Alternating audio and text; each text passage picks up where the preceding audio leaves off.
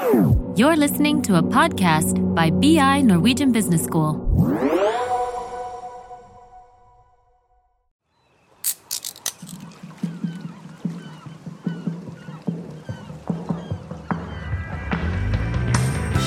Velkommen til en ny episode i vår podkastserie om bærekraftig finans. I dag har vi nok en gang fått fint besøk av Karoline Bakka Hjerte, som jobber i Sparebankgruppen, nærmere bestemt Sparebank1 Østlandet.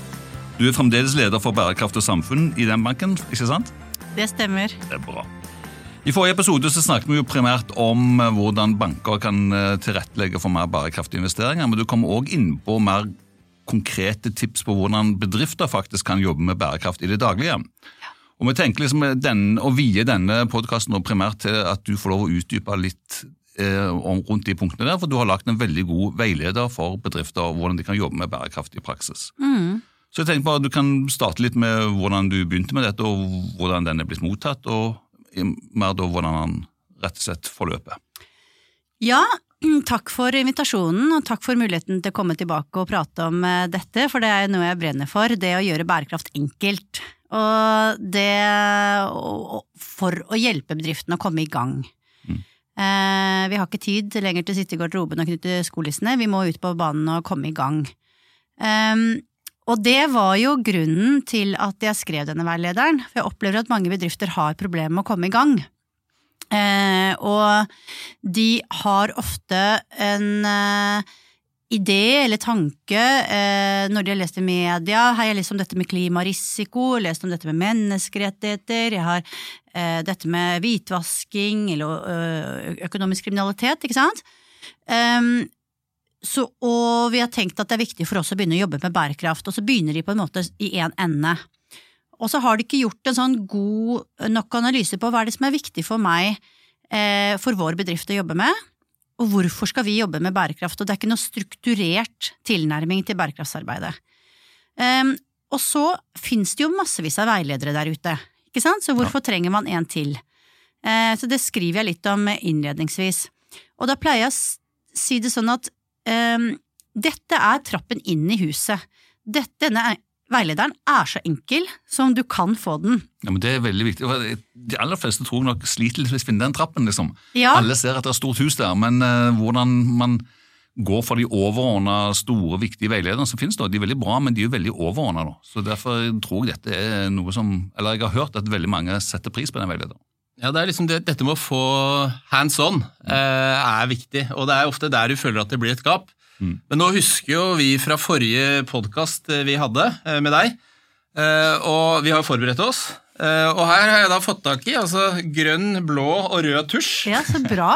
Så vi er jo liksom på gang her. Ja, Vi har Ja, lest ja, ja, veilederen, ja. og vi var- likte det veldig godt. Og gleder oss til å dele den kunnskapen med, med lytterne våre. Ja, ja, ja. Ja, den skal vi bruke da i Disse tusjene skal vi bruke da i trinn to. Mm. Det er i trinn to, ja. Ja, det er i trinn to. Så um, Ja, Men Så- du var på trappen. jeg var på trappen inn i huset, så denne her er på en måte Denne veilederen er sånn Ta frem et A4-ark, eller A3-ark, eh? Eller, eller en PC. Den er på det nivået. Den er veldig, veldig konkret, ikke sant? Eh, og det er nettopp fordi mange dykker ned i disse rammeverkene, i klimarisikorammeverket til CFD, eller ikke sant? Og så forsvinner man ned i en jungel, og så kommer man aldri opp igjen. Uh, så så dette, er dette er et supplement til de andre veilederne som er der, og jeg henviser også til mange av de og sier bruk gjerne de, men dette kan være en veldig fin start før, når du kommer i, helt for å komme i gang med bærekraftsarbeidet. Ehm, for, for SMB-er, men også kanskje for litt større bedrifter. Og så har den et annet fokus som henger sammen med det første, og det er alt du ikke trenger å vite om bærekraft. Eh, For det er veldig mange som Bærekraft er veldig, et veldig, veldig bredt felt. Og mange blir øh, eh, forvirra. Eh, De blir eh, eh, redde og ydmyke i forhold til det store fagfeltet. Jo mer de setter seg inn i det, det mer skjønner de å ja, det handler om menneskerettigheter, arbeidstakerrettigheter, økonomisk kriminalitet, det handler om naturutfordringen, miljøutfordringen, klimautfordringen, sosial dumping. Det er jo altfor bredt. Jeg, jeg, jo, jeg er jo ikke ekspert på alle disse temaene. Hva skal jeg gjøre? Så eh, hoved, eh, hovedbudskap nummer to i, i veilederen er du trenger ikke å kunne noe om alle disse feltene for å begynne å jobbe med bærekraft. Det var bra. Det er et lavterskeltilbud egentlig du kommer med. Det er et lavterskeltilbud. Og, og det, er jo, det er jo også eh, Jeg som jobber veldig bredt med bærekraft gjort i mange år, kan heller ikke, er heller ikke ekspert faktisk på alle disse temaene på en gang. Å ja. Det bare Jeg vet ikke om er- dere kan si at dere er det. Nei, det var Flåsensand, det var ikke det. Langt ifra. Nei, ikke Nei, nå får du snakke for deg sjæl, Kjell. Ja, jeg tenkte det. Nei, det er, eh, og det er et viktig poeng, for jeg tror mange også stopper der. Altså de blir for, tenker at dette er for stort, ikke sant. Så, um, så det er eh, innledninga, og så har den altså to deler. Del én er eh, fire praktiske trinn med hvordan du kommer i gang med bærekraftsarbeidet, som jeg jo kan gå igjennom. Um, og så har den en del to, som er mer et sånt oppslagsverk. Mm. Der er det en liten tidslinje, og det er jo kanskje greit å vite litt om når var det bærekraftsmålene ble vedtatt, når var, ikke sant, Parisavtalen og sånn, en liten tidslinje. Eh, og så er det eh, noen rammeforkortelser og sånn, eh, for bærekraftsfolk elsker å, å slenge rundt seg med forkortelser. SDG og sånn, du må, det er greit å vite at det er bærekraftsmålene og sånn. Eh, og så er det mm, eh, noen eh, et lite avsnitt om hva er godt og dårlig bærekraftsarbeid, eh, blant annet. Ja, så, så del to er mer sånn eh, nice to know, og ikke need to read, i hvert fall. Ja, men Det er bra. Det er veldig bra å ha det supplement. Jeg titta gjennom den òg, og det likte vi godt. Ja. Absolutt. Fint, eh, fint supplement. Så da kan jeg jo gå igjennom de tre, fire trinnene. Mm. Ja, Vær så god. Trinn én, eh, og da begynner jeg med Finn fram et stort A3-ark, inviter med noen kollegaer, gjerne, eller gjør det aleine, eh, eller en skjerm, og tegn opp hva bedriften din driver med. Hva virksomheten din driver med. Jeg fikk spørsmål om dette også kan gjøres i kommuner, var en som jobba i kommunen sagt dette burde vi egentlig gjøre hos oss. Eh, som du jobber i kommunal virksomhet eller eh, privat virksomhet eller eh, et eller annet en organisasjon. Tegne på hva er det dere faktisk driver med. Mm. Eh, på eh, ho hovedkontoret, eller på der du sitter, på en måte, eh, men også leverandørkjeden. Eh, hvor er dere lokalisert? Hvor er leverandørene lokalisert? Hvilke råvarer har dere? Hvordan ser hele dette kartet ut? Hva er det dere leverer av tjenester? Hva er det dere bruker av produkter i, eh, i, eh, i produksjon av den tjenesten, eller, eh, eller innsatsfaktorer i, i produksjonen av det produktet dere lager? Så det, og det er et trinn veldig mange hopper over. Så tegn opp dette her, få med deg alt.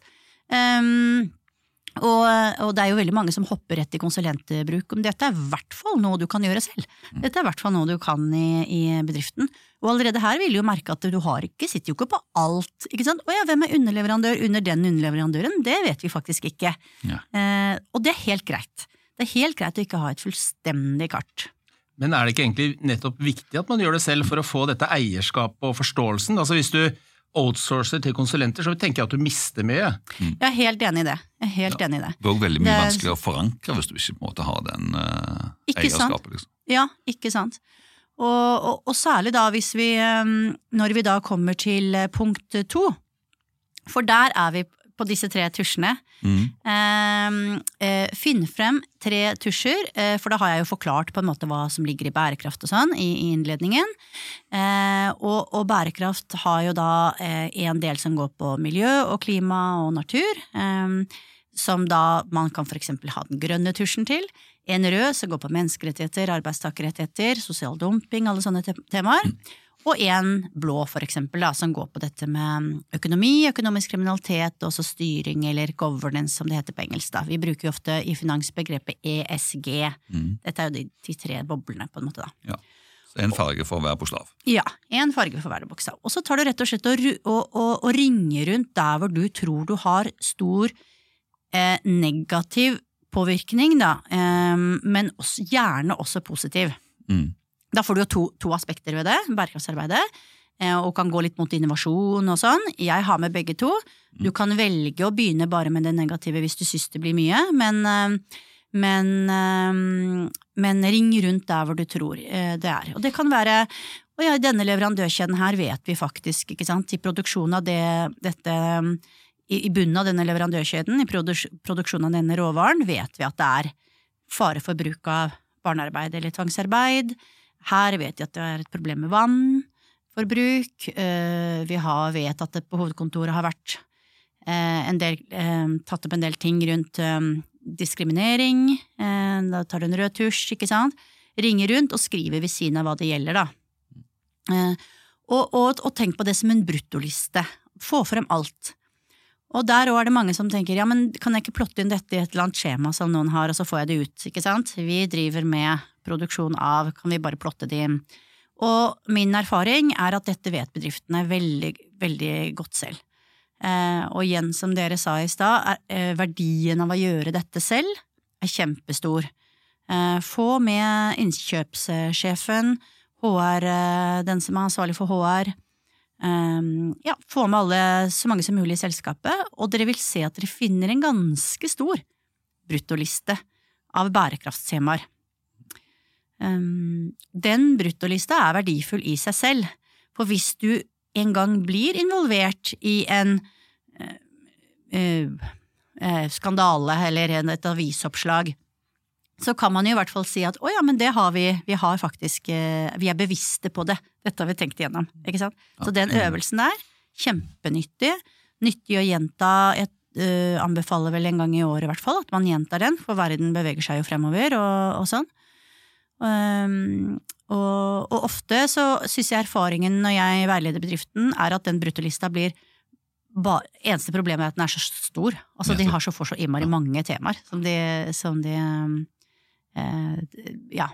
Um, Både med tema og involverte, da kanskje, eller hvor altså, har, har, de, har, du fått tilbakemeldinger på at det var mange bedrifter på en måte som ikke innså hvor mange potensielle fallgruver det var, eller? Uh... Ja, eh, det også. At den, den lista er eh, ja, ikke sant? At, mm. at, den er større enn de kanskje var klar over. Ja. Når de begynner å tenke på den måten. Mm. Og, og, det som ofte er problemet, ikke sant, er at folk tenker prioriter... Ja, men det er jo et lite problem. Det jeg sier her, er lag lista uten å vurdere hvor stort eller lite problemet er. Ikke sant? Lag bruttolista først. Bare den, bare den, liksom, den, informasjonen man blir bevisst i en organisasjon eller selskap med å få dette på bordet alle er til stede. Mm. For hver enkelt sitter kanskje med små fragmenter som man kanskje tror er ubetydelig, men når man da setter det sammen, så ser man det man kaller cocktaileffekten av dette. da, Når man når fire, fem, seks, ti personer sitter og setter sine informasjonsbiter sammen, så blir det jo som du ser da, overraskende mye for mange. Ja, det, det, ligger jo mye verdi bare i den bevisstgjøringen. altså At eh, økonomisjefen lærer fra innkjøpssjefen. Absolutt. Som lærer fra selgeren. Som lærer fra selgeren og så liksom hele. Så, så det er bare at man alle deler den kunnskapen har jo stor verdi i seg selv, og et kjempegodt utgangspunkt, tenker jeg. Mm, mm, veldig.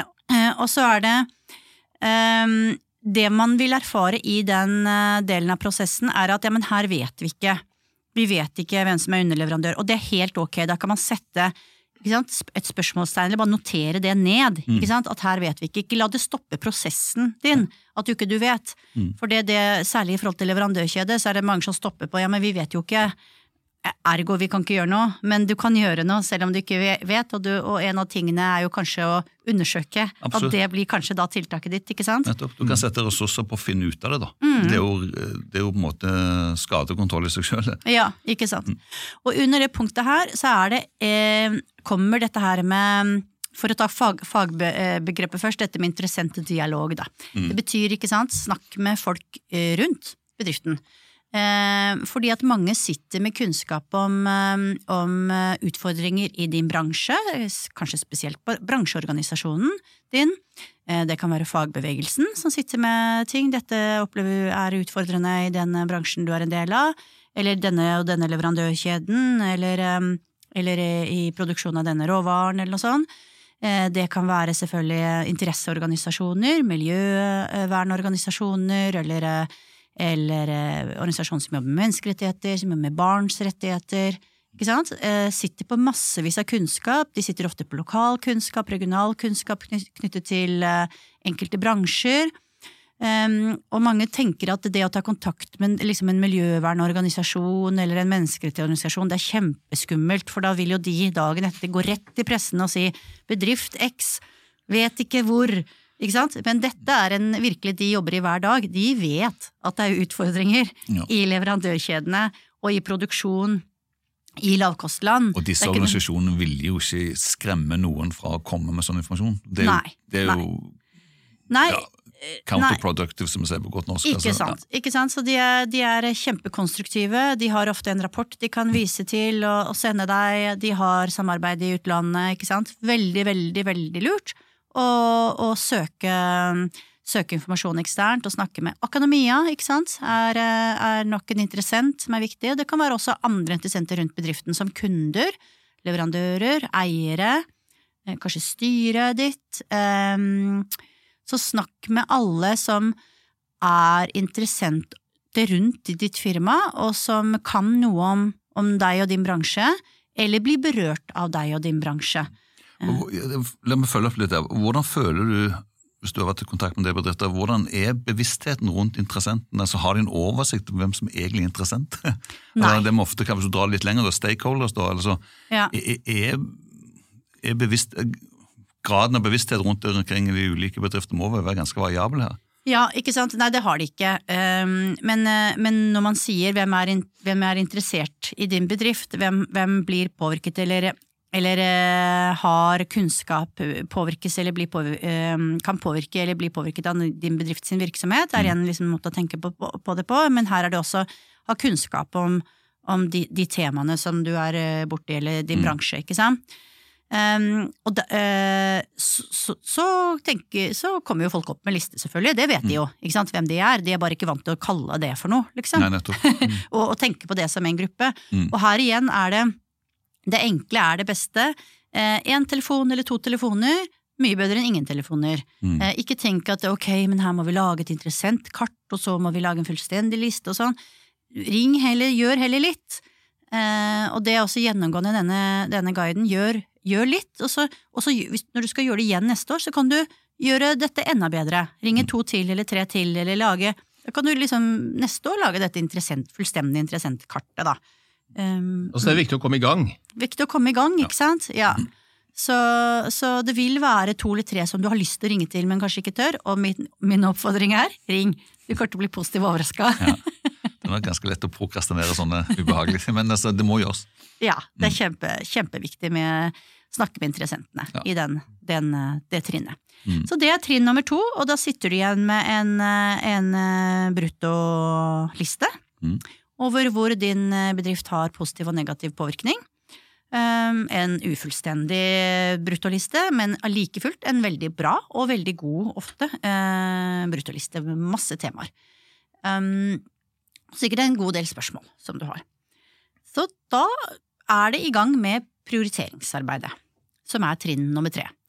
Og eh, eh, der eh, ha, er det litt ulike måter som man eh, kan eh, prioritere på, og det kan eh, være litt vanskelig å lage én metode som passer for alle, men jeg har brukt den metoden som brukes i FNs veiledende prinsipper for næringsliv og, og, og menneskerettigheter, og OECDs aktsomhetsveileder. Og den går på eh, på engelsk heter det scale, scope og remediability. På norsk heter det, eh, eller er det alvorlighetsgrad, omfang og um, muligheten til å rette opp. Mm. Eh, og det, jeg syns er en god tanke, for du har en liste, eh, eller en god øvelse, for du har en liste med veldig, veldig mange temaer. Og, så, og da får du problemet, hva skal vi begynne å hva er viktigst her? Ikke sant? Er det viktigst å begynne å jobbe med dette med diskriminering på hovedkontoret? Eller skal vi begynne å jobbe med dette med barnearbeid, at vi tror det er ganske mye barnearbeid i, i eh, produksjonen av den råvaren som vi bruker i vårt største produkt? Mm. Hva er viktigst? Hvordan skal du sette et menneskerettighetsbrudd opp mot et annet? Samme med miljøet, ikke sant? Samme økonomisk kriminalitet. Det er helt umulig. Så de gir en god øvelse for å prioritere. Og da er det alvorlighetsgrad. Hvor alvorlig er denne hendelsen? Ikke sant? Um, og da kan du uh, da, da sier jeg liksom, Sett en alvorlighetsgrad på 1 til 5. Og nei, du vet ikke helt sikkert, og dette er ikke en akademisk øvelse, men det er veldig lite innenfor bærekraft. Så Absolutt. sett en vurdering av det. Ikke sant? Bare få en diskusjon rundt det er jo veldig viktig. Kjempefint, ikke sant? Mm. Dette minner meg litt om sånn HMS-arbeid, egentlig. Ja. Og det er jo egentlig det òg, Ja. på, på, på et vis i hvert fall. Ja. Det med å sette, bestemme seg for hva er alvorlighetsgraden, og sette litt sånn gradering. Mm, mm. Så dette er jo velkjent for mange bedrifter, tenker jeg, når det snakkes om tradisjonelt eh, HMS-arbeid. Ja, ja absolutt. Så, så, um, så hvor alvorlig er det? Og da er det jo selvfølgelig mer alvorlig. Eh, for eksempel, jeg ville satt høyere på at barn jobber istedenfor å gå på skole, er mer alvorlig enn en diskriminering. Eh, eh, selv om det er vanskelig selvfølgelig å sette ting opp mot hverandre, men, men det er et eh, mer alvorlig eh, bærekraftstema. Um, Nummer to er eh, omfang, scope, altså hvor mange blir berørt av denne påvirkningen her, da. Ikke sant? Er det tusenvis av mennesker, hvis du, hvis du driver malingsproduksjon og, og, og slipper ut kjemikalier i elva, og, og, og, eller, eller det skjer i din leverandørkjede, som gjør at drikkevannet ikke kan drikkes for, en, for folk som bor nedover den elva, så er det veldig, det er veldig, veldig, det er veldig stort omfang av den eh, påvirkningen. Eh, og så kan man si de blir bare litt syke, så det er ikke så alvorlig, så vi går tilbake til nummer én, men, men det er veldig mange som blir omfattet. Ikke sant? Da har det noe å si. Så sett en én til fem på den. Men det henger jo litt i samme alvorlighetsgraden òg, liksom. Det er liksom på hvor dypt innvirkningen får, og liksom hvor bredt han favner. Så det er jo liksom Mm. Ja, det, det er kanskje ikke alltid like lett, for mange vil jo kanskje begynne å trekke det ene inn i det andre, da. Det Ja. er mer alvorlig at 10 000 blir halvsyke enn fem blir alvorlig syke, Ja, og det er, Altså, det, det er nettopp, ikke sant? Og det er derfor Det er ofte det som er problemet med bærekraft, at man sauser ting sammen. At man Mm. gjør to ting på en gang. ja, så, Ikke sant? Så, så det der å skille det og tenke på det som to eh, ulike ting Mm. eh, Først, nå skal vi vurdere hvor alvorlig det er, men du har helt rett. Folk kommer til å si sånn ja, men det er ikke så mange. Ja, men det, nå skal vi, det skal være nummer to. Mm. Hvor mange så det er. er disiplinerende, på en måte. Ja, det er veldig dis disiplinerende. Mm. Og det tredje er et viktig poeng som ikke så mange tenker på, og det er kan skaden gjenopprettes. Um, det beste eksempelet som jeg har på det, er at hvis, hvis du, sitter, du sitter inne på et hovedkontor, ikke sant, der dere eh, leier lokaler eller eier lokaler eller sånn, og så på utsiden så står det noen som, som for eksempel vasker vinduer eller eh, noe sånt ikke sant, og den personen er ikke, har ikke noe sikring. Ikke sant? Det er en, en leverandør, de vasker vinduer for, det, for dere, eh, og har, har ingen sikring. Hvis den personen faller ned og, og mister livet, så er det ikke gjenopprettelig. Ikke sant? Det er ugjennomrettbart. Så den må tas først. Selv om det er én person, så det vil si at omfanget er veldig liten. Eh, nå er jo alvorlighetsgraden hvis den personen dør også alvorlig, da. Men uansett så, vil, så er det en fin sånn derre eh, Kan skaden gjenopprettes? Eh, fin sånn huskeregel. Mm. Um, eh, og, og det samme ikke sant? hvis man tenker innenfor miljøet, da. Ikke sant? Ja, men nå står det i ferd med Nå kan det utslippet skje. Ikke sant? Og skjer det, så kan det ikke gjenopprettes. Ikke sant? Det, er ikke en, det er ikke en ting vi må jobbe med forbedring med over tid, som er noe annet. Hvis, den, hvis det utslippet skjer i elva nå, da er det for seint. Da må man ta det først. Det er en uh, sense of urgency i Mm. den uh, saken. Um, så det er de tre, uh, de tre testene, på en måte, som du gir en sånn skala på. Den gjenoppretting den, den passer ikke på alle, så da kan man også skrive en eh, not applicable på, Mm. på en del av de. Eh, og den passer jo i hvert fall ikke på de positive påvirkningene. Eh, og så er det mange ting man kan eh, legge til den prioriteringslisten her. Eh, hvor langt unna eh, skjer skaden? Eh, og der har jeg, fordi jeg har jo sagt at denne, denne veiledningen skal være superenkel, den skal gjennomføres ikke sant, på kort tid og sånn, så jeg har valgt å ikke utvide ved, med veldig mye mer. Eh, men jeg nevner det jo. Eh, og når jeg veileder bedrifter, så er det ofte altså om, omfanget av denne, ikke sant, hvor stor hvor stor del av forretningsvirksomheten din gjelder dette? Ikke sant? Og begynne å jobbe med liksom, ja, men i den lille skruen så tror vi liksom at metallet der, ikke sant, da kan jo folk bli litt sånn ja, ok, men hva med resten av huset? Ja. vi tror du burde ha fokus på resten av huset, ikke sant? Så omfanget, eh, forretningsvolumet rett og slett, det er en ting å vurdere. Eh, relasjon til skaden, altså er det noe som du forårsaker direkte, eller er det lenger ut? Altså, eh, er du eh, Det har også OECDs veileder en sånn eh, deling, inndeling i. Er, du, er det Forårsaker du dette her? Er det du som slipper ut dette her i elva? Er du som forårsaker dette menneskerettighetsbruddet, eller er du eh, eller er du indirekte linka til dette her, at det er lenger ut i leverandørkjeden din, ikke sant? Der er det tre, også tre nivåer man tenker seg da, ikke sant? Det har noe å si. Forretning, hvor nært forretningen din det er, har noe å si, ikke sant? Er det liksom kjerneproduktet, det er faktisk dette vi lever av, det har noe å si. Er, og der kan du tenke deg et Excel-ark, ikke sant, hvor du har disse kolonnene bortover, og der kan du ha så mange kolonner du vil, ikke sant, og så kan du sortere. Um, eh, og, og, neste år hvor du tar det opp igjen, så kan du ha en, en, kolonne til. Ja, men jeg ser at vi må ha med dette her, for eksempel med pro profilprodukter som vi fikk eh, det, Der står det jo vår logo på. Det, det, må vi faktisk, det har vi lyst til å ha litt høyere opp i bevisstheten. Ikke sant? Det er mange ting som kan være vesentlig å vurdere der for en bedrift.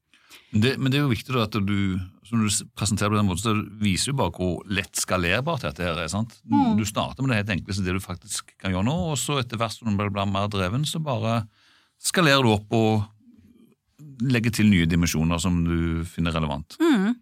Og ikke sant, Ta den lista som du fikk under punkt nummer to, den bruttolista, mm. putt den inn i A-kolonnen i et Excel-skjema, mm. og så har du disse bortover i de andre B, C, D. ikke sant? Kan du bare ha så mange du vil, og så gir du en, en tallkarakter på, på, hver enkelt av de, da er det kjempelett å sortere. Og så er jo da punktet under, um, under nummer tre også.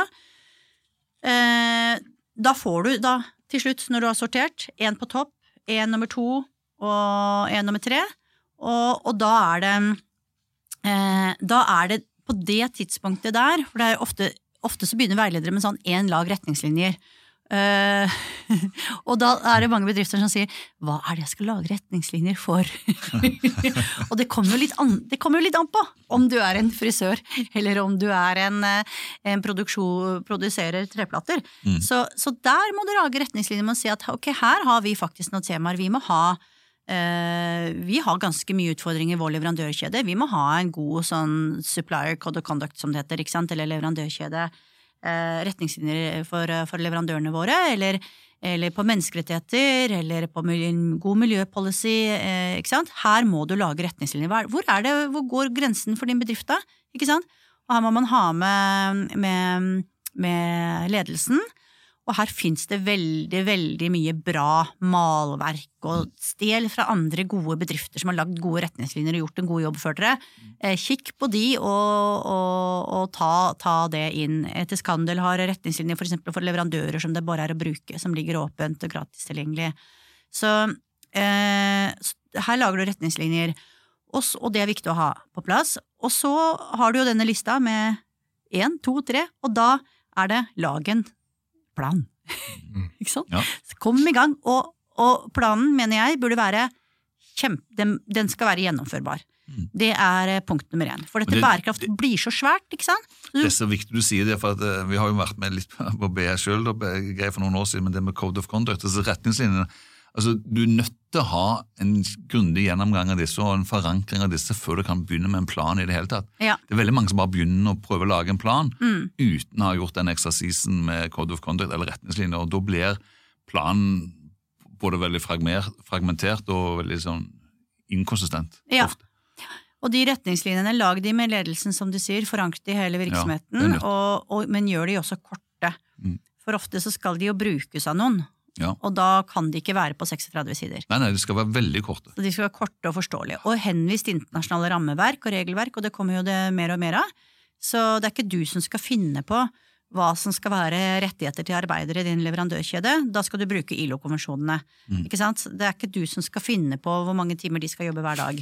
eh, ikke sant? Da skal du bruke internasjonale rammeverk. Eller hva som, som, skal være rettighetene til de ansatte på ditt kontor, eller hva som skal være miljøet eh, om, skal, om, dere skal ha nullutslipp i 2050 eller, eh, eller i 2070, eh, på en måte. Eh, jeg anbefaler å bruke det, vi, det, rammeverket vi har eh, internasjonalt. Ja, Det høres veldig fornuftig ut. Altså, det er noe med den der linken mellom strategien og, og det håndfaste, altså mm. praksisen. Mm. Ja. Eh, Den bør være ganske synlig. Eh, Da kan vi jo bruke de overordna retningslinjene vi får for fra bærekraftsmålene og taksonomien og de føringene myndighetene legger liksom, for på en måte å sette en tidslinje og sette dette i perspektiv. Da. Ja, ikke sant?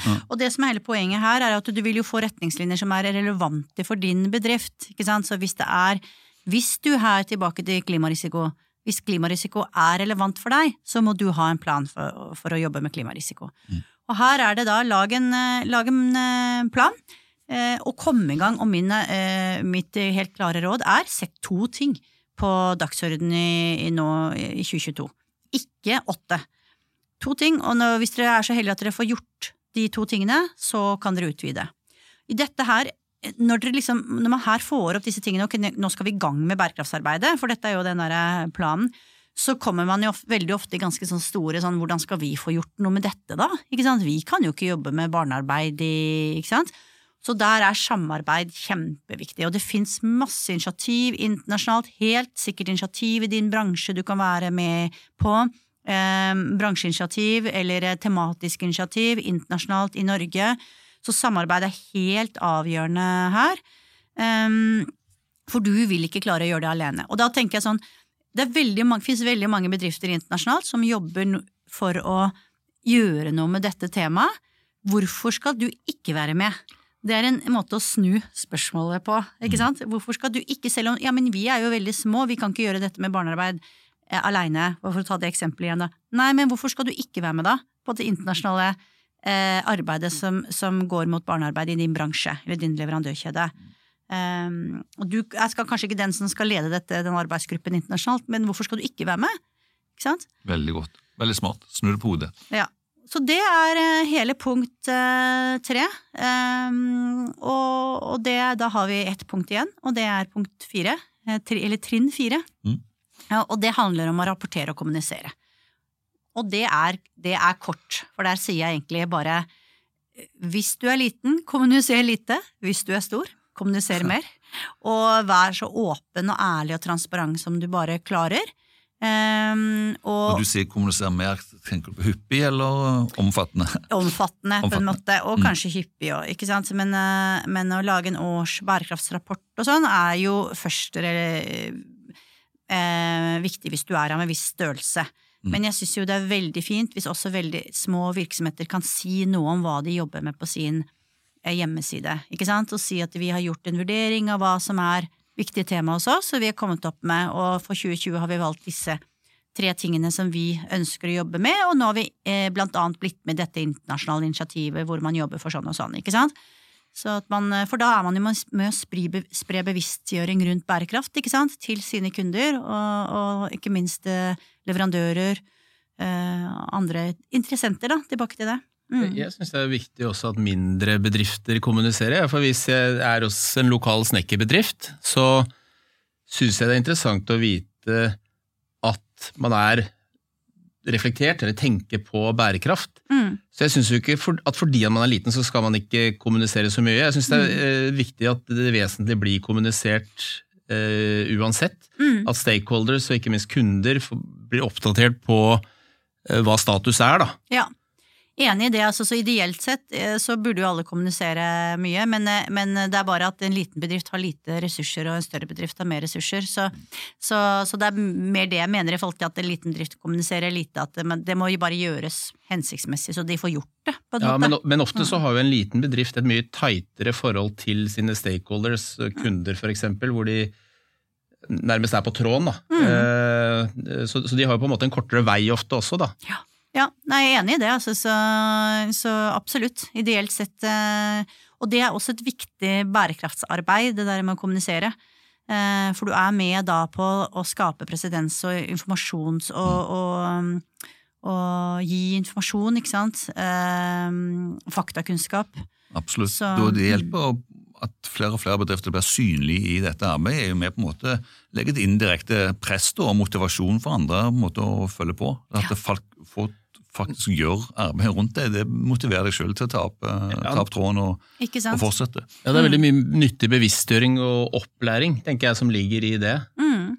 Og nå, og, og nå, dere nevnte jo taksonomi, og ikke sant? det kommer jo mer og mer eh, eh, lovverk på dette her. Mm. Og blant annet om åpenhetsloven, ikke sant? sånn som kanskje ikke du er omfatta som liten bedrift, men den du leverer til, ikke sant? en større bedrift, vil jo kanskje snu seg mot deg, siden du er i deres leverandørkjede, og si hvordan jobber dere med, ikke sant? Har dere gjort en vurdering?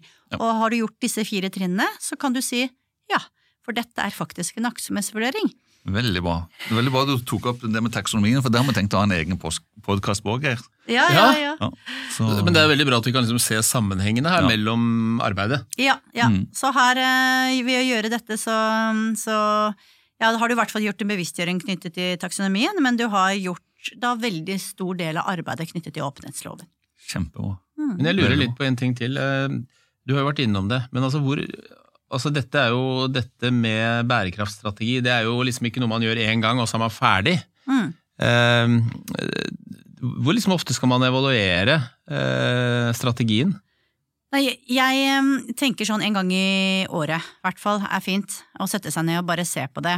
I hvert fall hvis man, har gjort, hvis man følger denne her helt slavisk og har sånne tre, tre ting på en måte, eller to-tre ting som man skal gjøre i 2022, så er det naturlig å tenke at neste års, hvilket tema eh, må vi, skal vi fortsette med det neste år, eller skal vi ta flere ting neste år? Um, uh, så så min, er, uh, min anbefaling er at man gjør den, disse fire trinnene uh, en gang i året. Mm. Den tilbake, har du fått noe tilbakemelding på at det er noen som kanskje savner noen trinn, eller skulle hatt noe mer på noe, eller har du Nei, men eh, det, og det skriver jeg, på noen- eh, skriver jeg om i begynnelsen av veilederen, fordi at mm.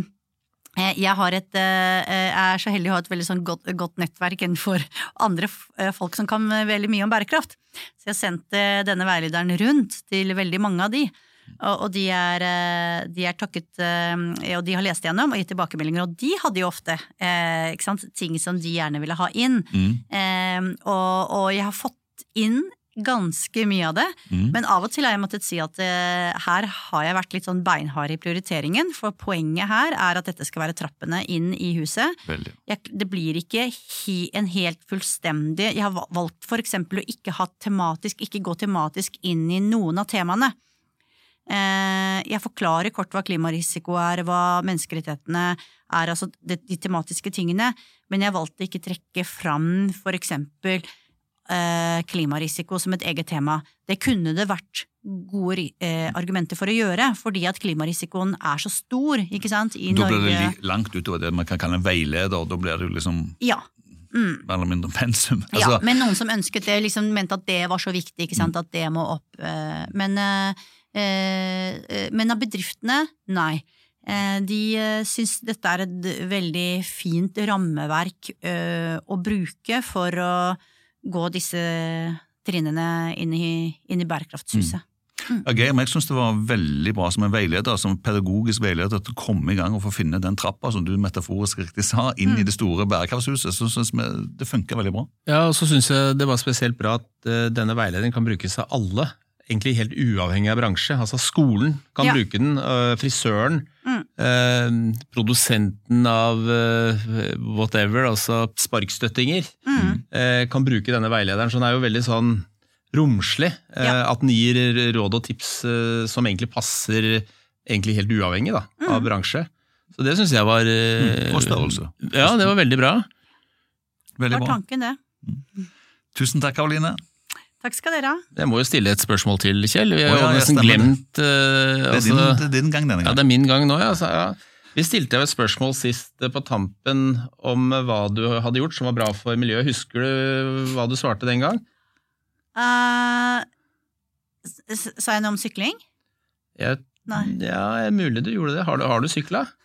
Jeg sykler hver dag uh, hele året. Det er bra. Er det noe annet du vil fremheve som du har tenkt på siden sist? Um, jeg um, har uh, for en stund siden sluttet å kjøpe nye klær. Uh, hver vår får jeg lyst til å kjøpe nye klær. Fordi at det blir varmt, og eh, ikke sant, alle er så fine og sånn. Eh, Så nå har jeg fått lyst til å kjøpe nye klær, og da har jeg eh, bestemt meg for at jeg skal isteden leie. Så det gjorde jeg i går kveld. Eh, gikk inn på Fjong og tegnet et eh, leieabonnement på kjempefine klær. Og skal holde mitt eh, løfte til meg selv om å ikke kjøpe nye klær. Det var et godt løfte. Det sammenfaller med mitt løfte òg, faktisk. Ikke kjøpe meg klær, begynne å bruke alt det jeg har, faktisk. Ja, det har faktisk, eh, der, der har vi felles eh, mål, Kjell. Så jeg må jo si at etter vi har kommet i gang med, med serien i podkastene, så har man faktisk blitt mer bevisst av det òg, for vi får jo stadig informasjon. og eh, Jeg ser når jeg liksom begynner å tenke på at jeg skulle kanskje oppjustert litt denne delen av huset og sånn, så tenker jeg liksom sånn Ja, men trenger jeg virkelig det? Altså, det blir sånn, altså Den bærekraften har begynt å ligge i bakhodet Ja. på meg, altså. Det med forbruk av klær, ikke minst matsvinn. Trenger jeg den flyreisen osv.? Man blir eh, Ja, jeg merker det at det, man begynner å knipe igjen på ting og tenke seg både to-tre ganger. og Det tror jeg er et veldig viktig første steg. Hvilken sirkel, del av sirkelen vil du være med Hvilket lag vil du være med på, tenker jeg ofte. Mm. Vil du være med blant de som gjør det de kan, Mm. og ingen kan gjøre alt, men Nei. alle kan gjøre ganske mye. Hvis alle Vil du være med blant de, eller vil du være med på det andre laget? ja, bare det å kutte klesforbruket, kutte kjøttforbruket, kutte flyreiser, tenke seg ekstra om før man tar bilen osv. Noe som er blitt lettere da, gitt de høye prisene på bensin. men eh, så ja, Det er viktig det, at alle gjør sin skjerv og blir mer bevisst. Er der alt starter. Egentlig så Skal vi løse dette, så er det jo endringer, kollektivt, kollektive endringer som egentlig setter fart på det hele. Mm. Men det er jo utrolig bra at vi har sånne som deg og andre som snakker om det og øker bevisstheten og kunnskapen. Så liksom opplæringa som vi får, Mm. eh, er jo så viktig. For det endrer jo våre preferanser igjen nå. Mm. Altså, man begynner jo å tenke litt på alt. altså Miljøet som du har vært innom, og kanskje det kjøttet man kjøper. og man liksom, Når man først begynner, så kobler man stadig mer og mer. da, Ja. Og blir mer bevisst. Og, og, og det er jo viktig å være bevisst. Eh, Noen ganger må man jo betale mer for noe som er bærekraftig, enn noe som ikke er det. Mm. Og er bevisst og har da preferanse for det, så, altså, gjør det en endring. Ja. Ja, absolutt. Og det å begynne å prate om det, og det er jo noe med når du har kanskje øh, fulgt denne veilederen og gjort noe, eh, så er det lettere å prate om det, for da har du en vei inn. Mm. Men det å begynne å prate om det, sette seg inn i kunnskapen Nå fikk vi jo en ny rapport fra, fra, klima, fra FNs klimapanel forrige mandag. Um, begynne å, å, å prate om det, det er noe av det viktigste du kan gjøre. Ja. Ok, med det så tror jeg vi må slutte denne podkasten, og så får vi håpe vi ser deg en gang til her i studio. Kjempebra.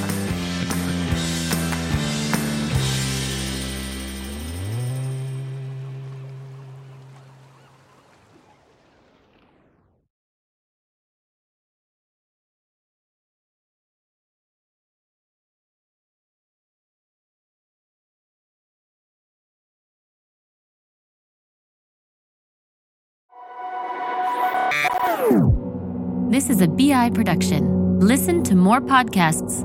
Go to bi.no slash podcasts.